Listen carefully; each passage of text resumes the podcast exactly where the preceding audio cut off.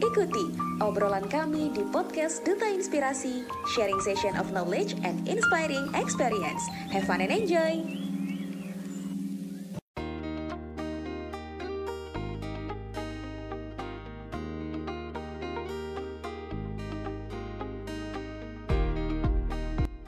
Ya, bismillahirrahmanirrahim. Assalamualaikum warahmatullahi wabarakatuh. Selamat sore semuanya, teman-teman. Apa kabarnya nih?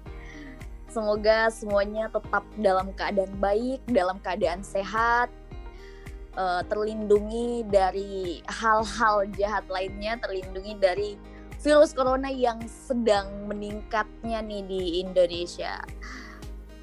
Kali ini ada aku, duta inspirasi dari Sulawesi Selatan, Putri Ratu Balkis bersama dengan partner aku sore kali ini ada ada siapa nih? Hai teman-teman semua. Ada siapa nih? Perkenalkan aku Ahmad Noval, duta inspirasi dari Provinsi Sulawesi Barat.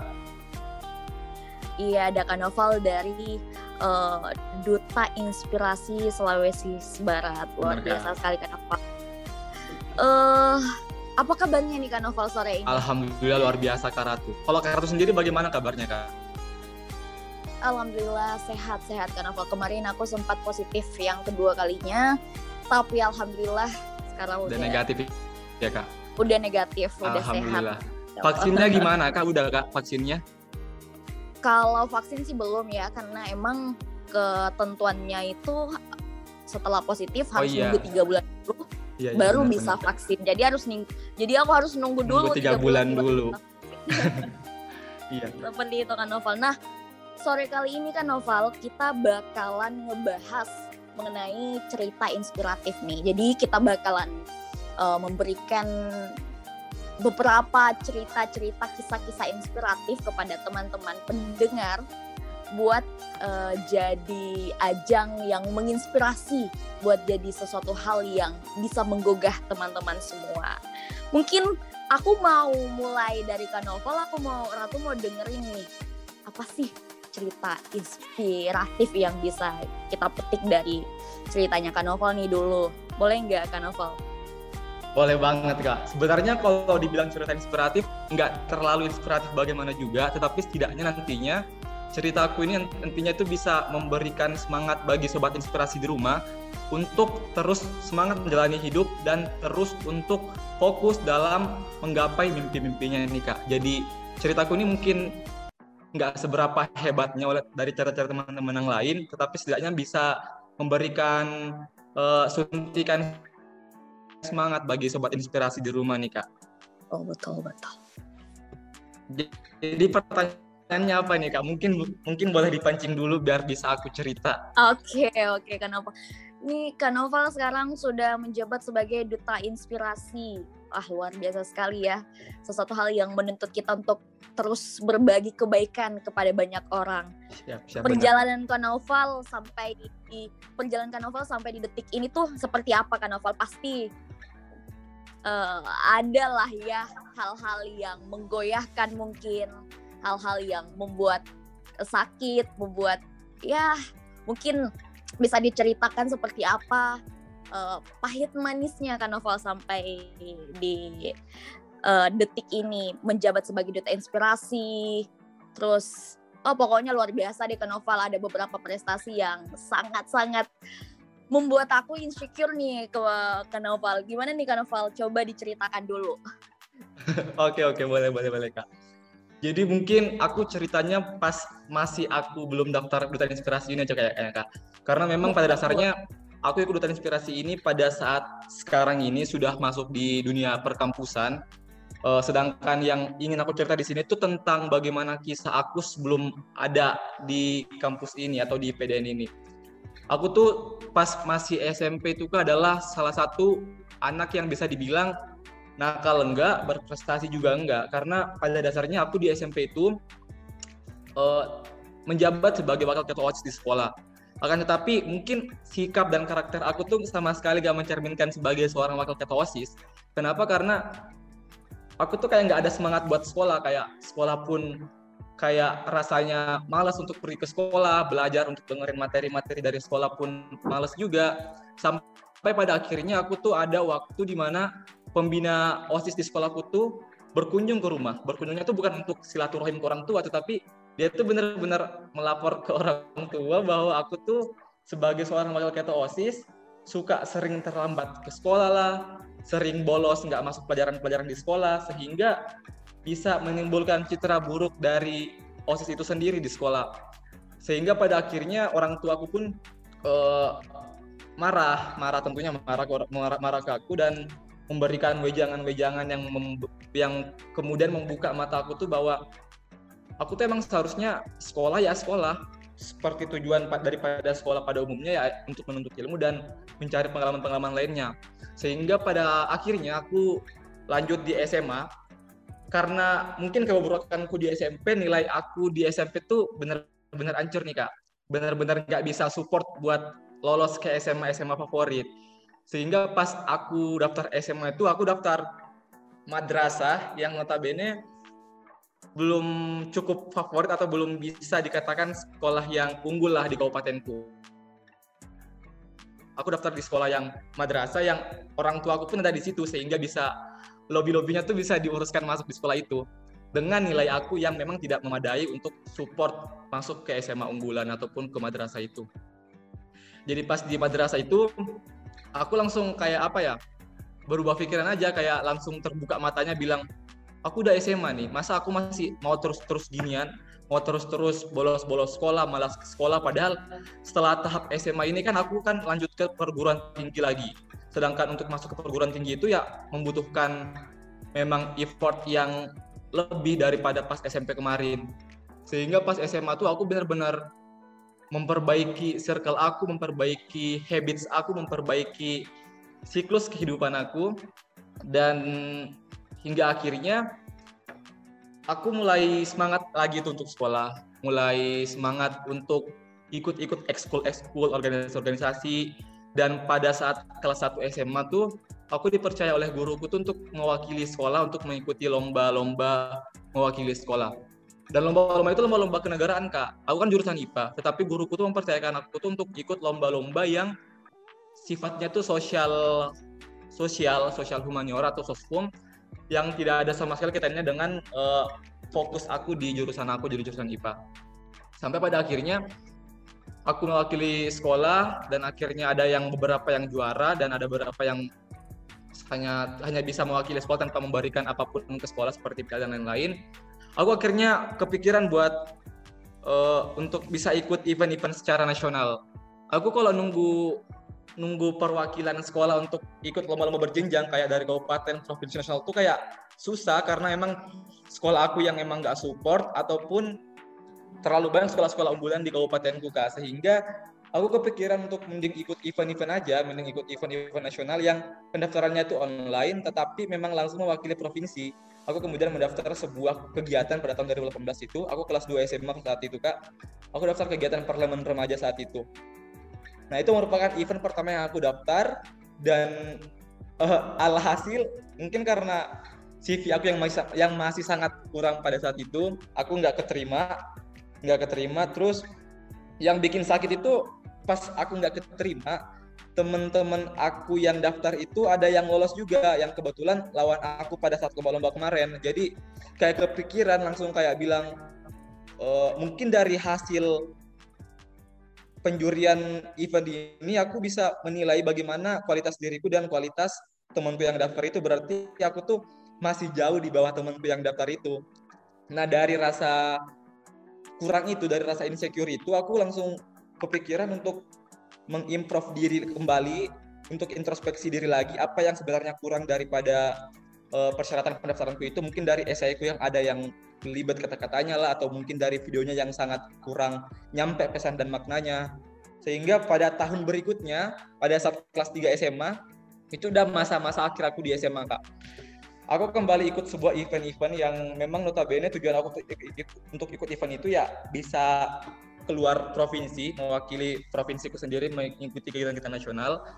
Dan akhirnya pada tahun 2019 aku ikut kegiatan parlemen remaja kembali kak mungkin setelah aku berintrospeksi melihat kekurangan-kekurangan yang ada pada diriku tuh aku langsung sadar ternyata aku tuh kurangnya di sini uh, CV ku tuh kurangnya di sini dan sepanjang tahun itu aku memang menambah CV ku tuh melalui sebuah misal ikut kegiatan-kegiatan seminar lah, kegiatan workshop lah dan lain-lain. Dan aku daftar kegiatan parlemen remaja kembali kak, dan alhamdulillah ternyata lolos. Dan setelah lolos itu luar biasa sekali kebanggaan banget bisa mewakili sekolah, mewakili provinsi langsung. Yang notabene aku tuh uh, sekolah aku itu yang sekolah-sekolah yang nggak pernah ikut-ikut event gituan karena madrasah lah. Madrasah yang sistemnya sekolahnya itu cenderung konservatif dan lain-lain. Dan setelah pasca event parlemen remaja itu ternyata event-event berikutnya mungkin kayaknya dari parlemen remaja ini yang telah menambah CV ku, yang memperbarui CV ku dan kemudian uh, ikut ikut mendorong aku untuk ikut untuk lolos di event-event berikutnya. Sehingga pada saat itu kak aku kelas 3 SMA aku berturut-turut itu setiap bulan di spend dari sekolah selama kurang lebih satu minggu hingga dua minggu. Aku pada bulan Agustus daftar parlemen remaja. Bulan berikutnya aku lolos kegiatan belajar bersama Maestro di Yogyakarta. Bulan berikutnya lagi aku di spend mengikuti kegiatan forum pelajar.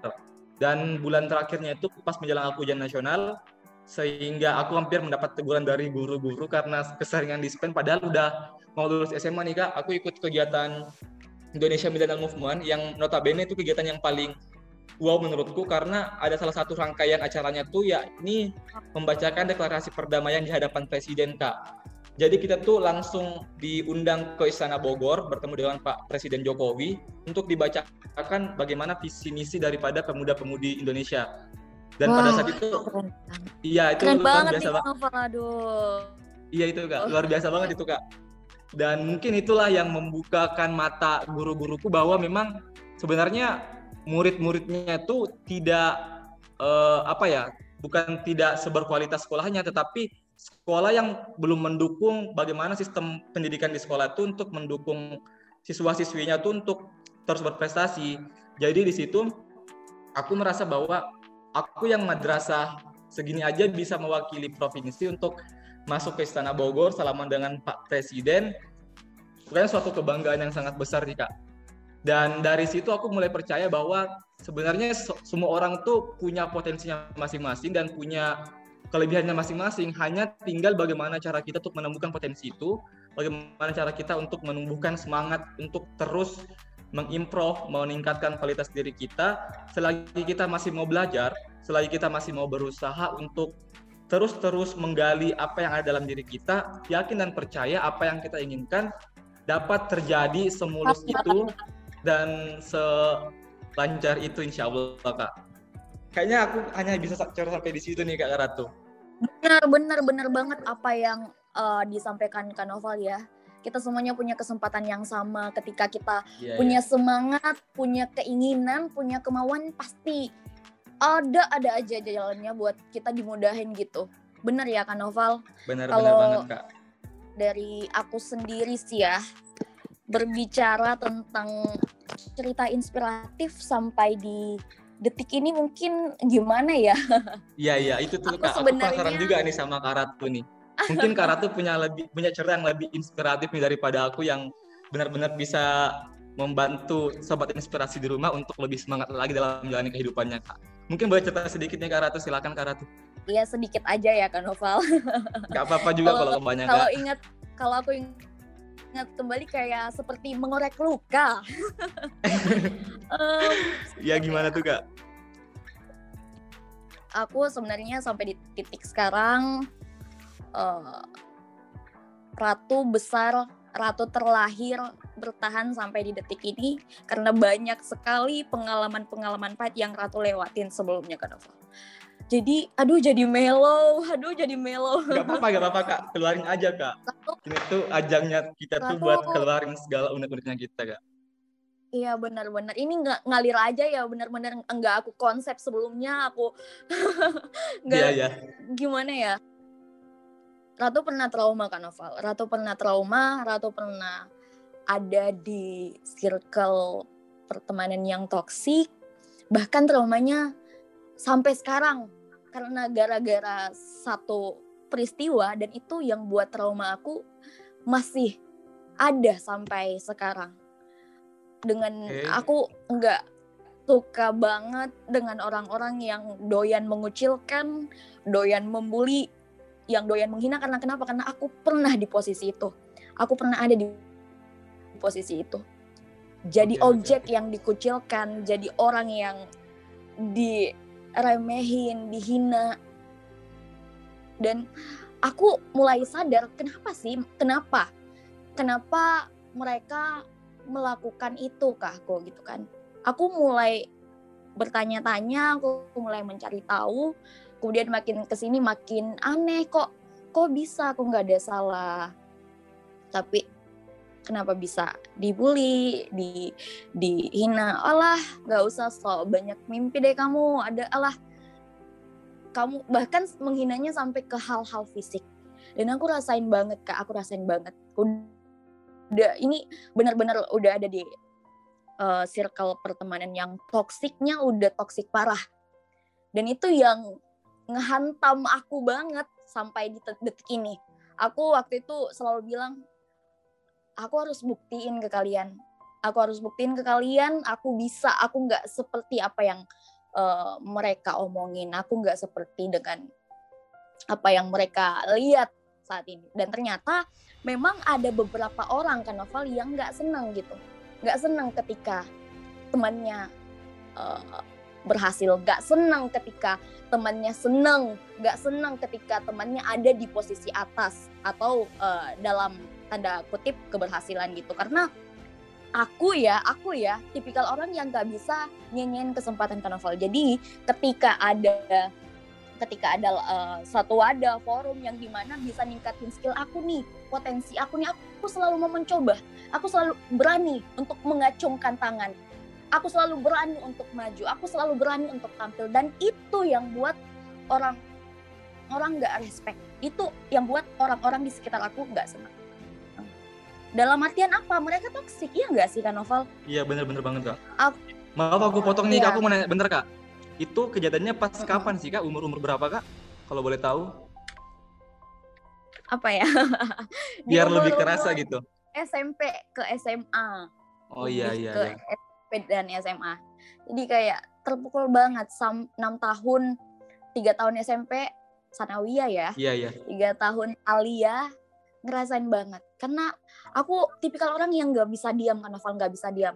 Jadi karena aku yang aktif di lapangan maupun eh, di luar lapangan di kelas maupun di luar kelas eh, teman-teman guru teman-teman ustazah jadi sering me- mengamanahin beri kasih ratu amanah buat wakilin pesantren wakilin sekolah.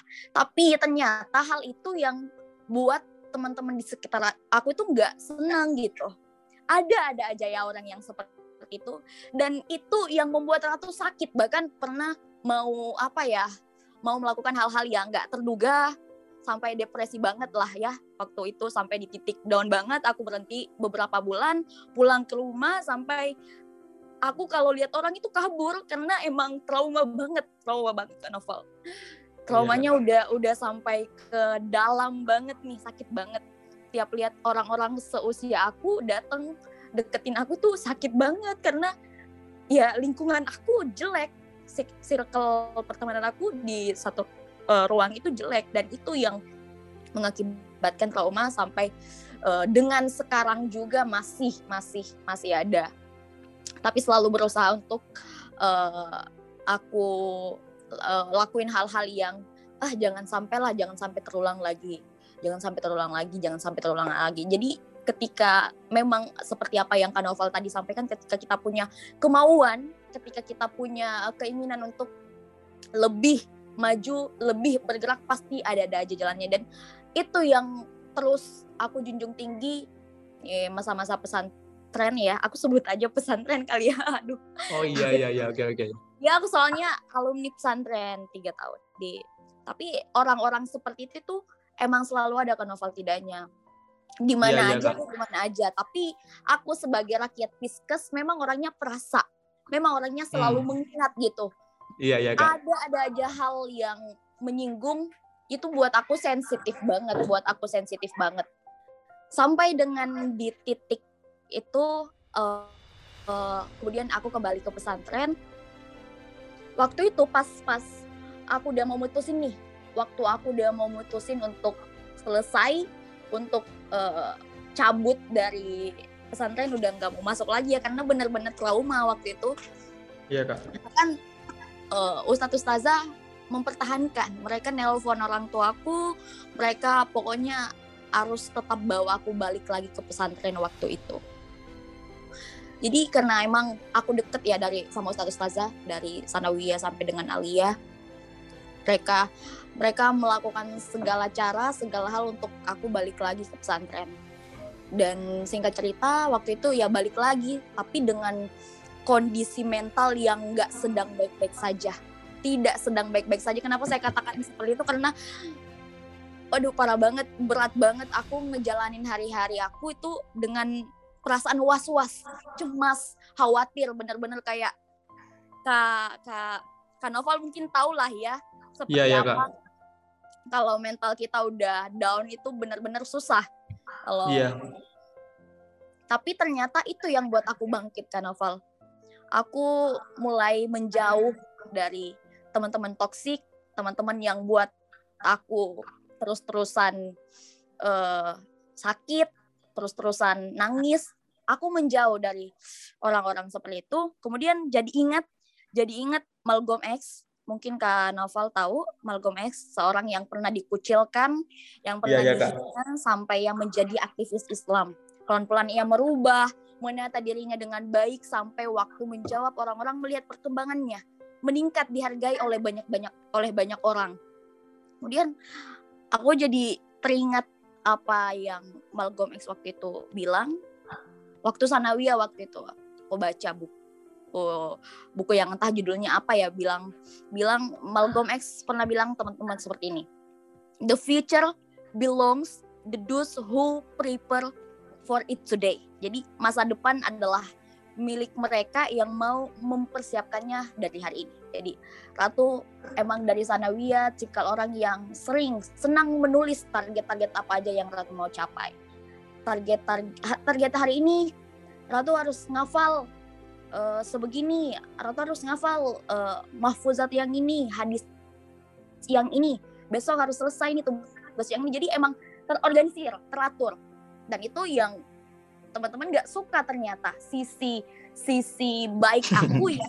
Ada ada saja orang yang nggak suka. Jadi emang harus saling memahami sebenarnya. Aku sampai detik ini kemudian bisa jadi paham untuk menghargai karakter masing-masing orang. Karena ya aku sudah pernah menemukan orang yang emang jahat-jahat banget, baik-baik banget, udah berbagai-bagai karakter lah ya. Karena kita hidup di pesantren memang seperti itu adanya, seperti bengkel lah ya. Pesantren itu seperti bengkel, uh, motor atau kendaraan yang dimasukin ke dalam bengkel itu ada yang setengah rusak, ada yang rusak parah, ada yang nggak begitu cuma mau diservis saja ya sama dengan uh, kehidupan di pesantren ya orang-orang masuk di pesantren itu untuk dibersihkan untuk dibuat jadi semakin baik lagi beda-beda karakternya. Ada yang emang wataknya keras dimasukin ke pesantren. Ada yang memang wataknya dari sononya udah baik ya dengan didikan orang tuanya dimasukin ke pesantren jadi beda-beda. Jadi emang kita dituntut untuk saling memahami. Tapi karena uh, apa ya peristiwa itu jadi buat aku uh, punya luka yang mendalam sampai detik ini. Tapi bukan artiannya dalam artian bukan mendendam ya. Iya, iya, bagaimana kan. caranya aku jadiin peristiwa itu cerita itu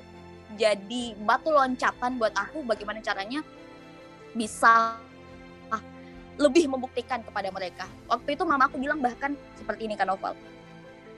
Uh, orang-orang yang ngucilin kamu orang-orang yang hina kamu orang-orang yang uh, ngeremehin kamu hari ini coba lihat.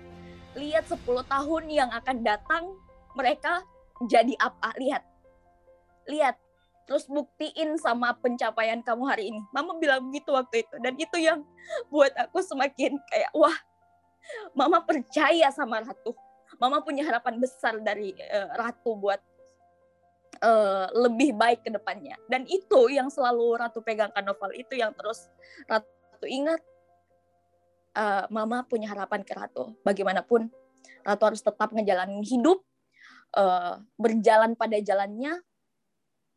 Mansaro alat darbi wasola barang siapa yang berjalan pada jalannya maka dia akan sampai dan itu yang Ratu tetap junjung tinggi Mahfuzat itu yang selalu Ratu pegang.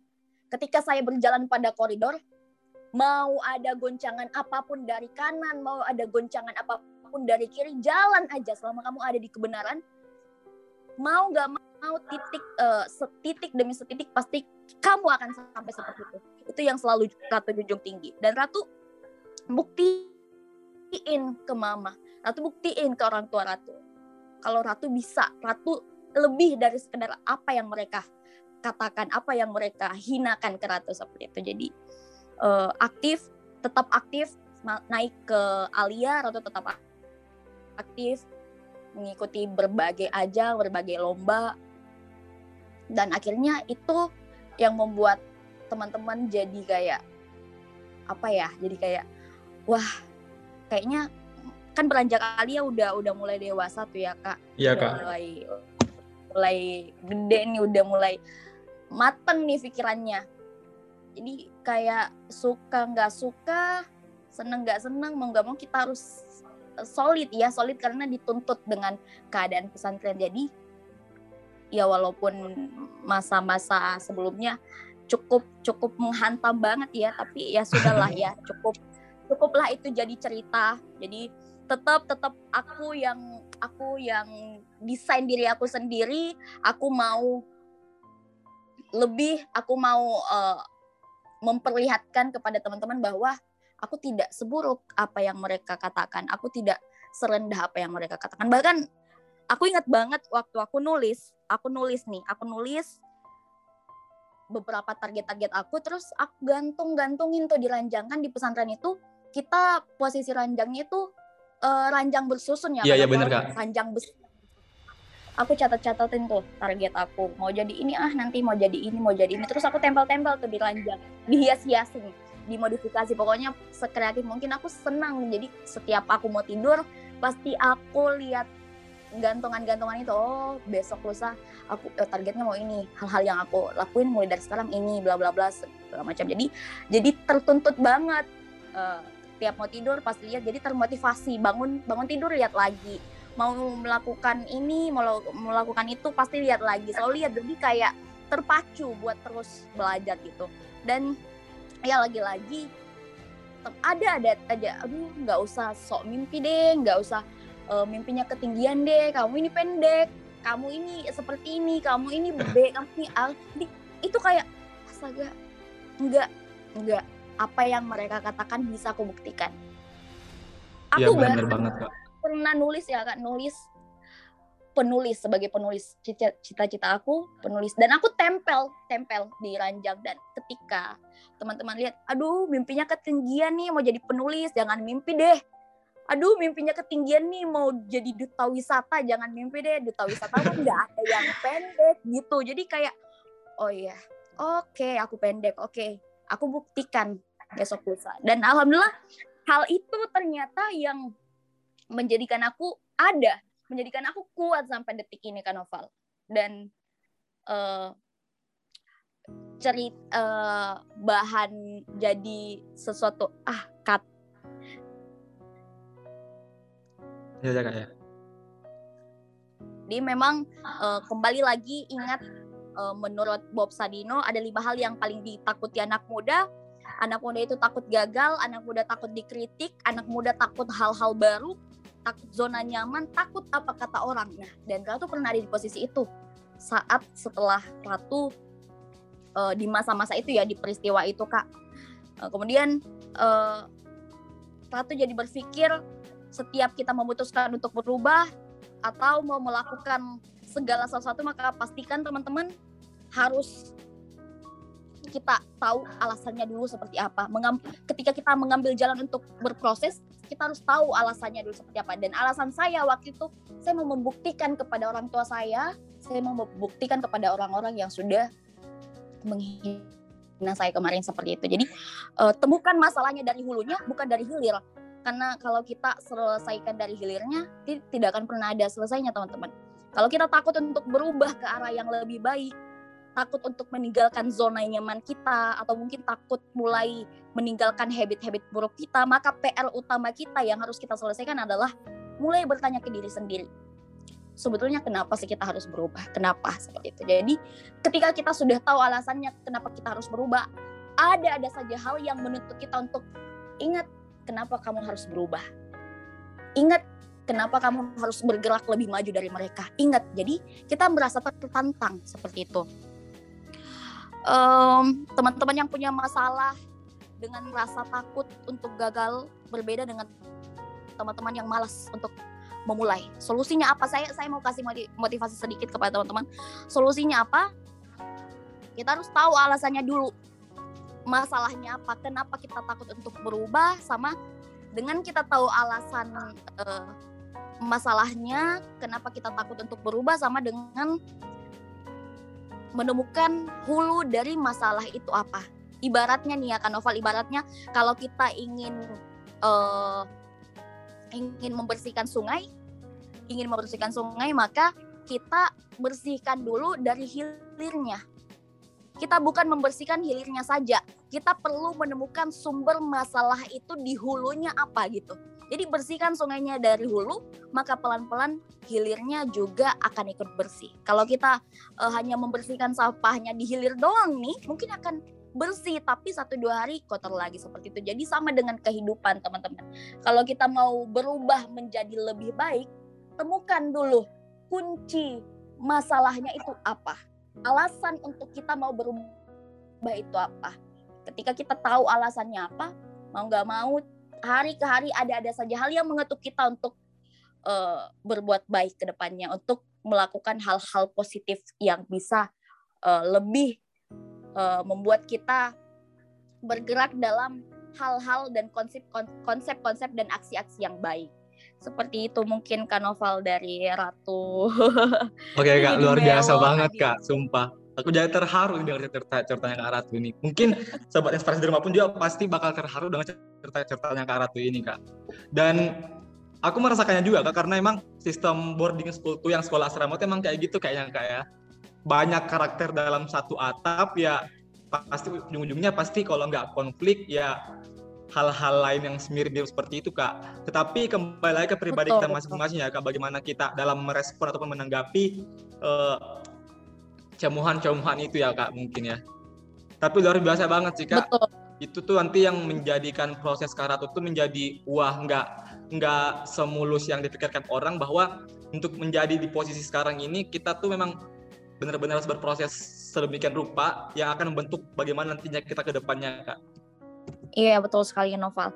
Uh, pesan juga buat teman-teman semua bahwasanya uh, selama teman-teman semua mau melakukan persiapan dari sekarang, selagi teman-teman punya kemauan, punya keinginan besar untuk uh, mencapai target-target yang teman uh, inginkan, harapkan, maka kita semua punya kesempatan yang sama untuk menetap masa depan.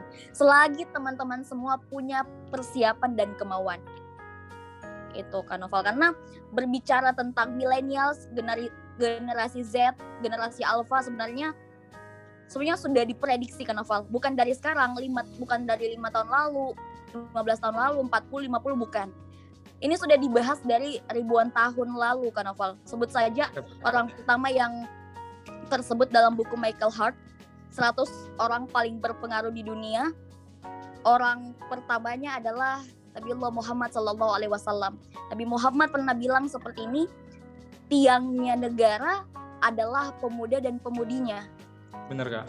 Ya betul. Kemudian Sayyidina Ali juga pernah bilang kan novel Syubbanul Yaum Rijalul God. The youth of today are the leader of tomorrow. Artinya sama bahwa pemuda hari ini adalah pemimpin di masa yang akan datang. Jadi uh, bagaimana caranya teman-teman semua uh, menjunjung tinggi menanam konsep bahwa kita adalah pemuda.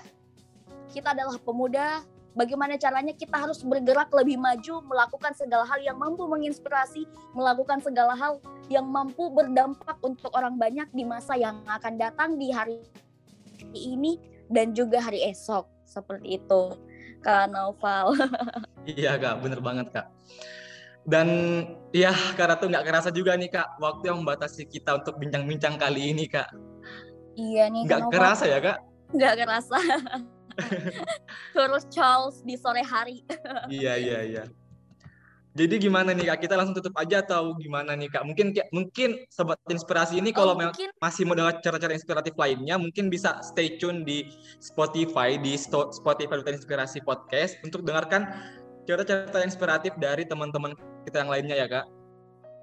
Iya betul sekali Kak Novel. Apalagi kita eh, ini masa jabatannya udah Iya, hampir iya, habis nih iya. Kak Novel. Buat teman-teman semuanya yang mau nih jadi eh, penerus kita di batch 2 Duta Inspirasi eh, batch 2 boleh banget dipersiapkan dirinya dari sekarang ya Kak Iya Novel. bener banget kak. dipersiapkan hal-hal apa aja yang bisa menjadi pertimbangan juga nanti di proses seleksi. Ya kan Novel, Benar-benar. sedia pa sedia sedia Sebelum payung hujan. sebelum hujan. iya betul sekali.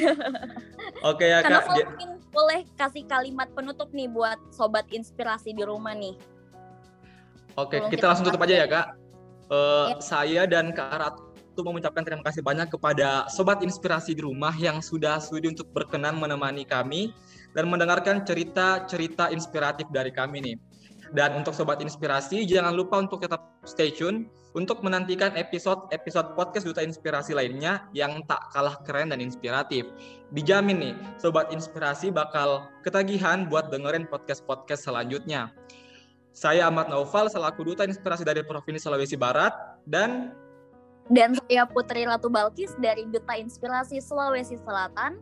kami pamit undur diri dan terima kasih. Sampai jumpa teman-teman semua. Sampai jumpa teman-teman. Assalamualaikum warahmatullahi wabarakatuh.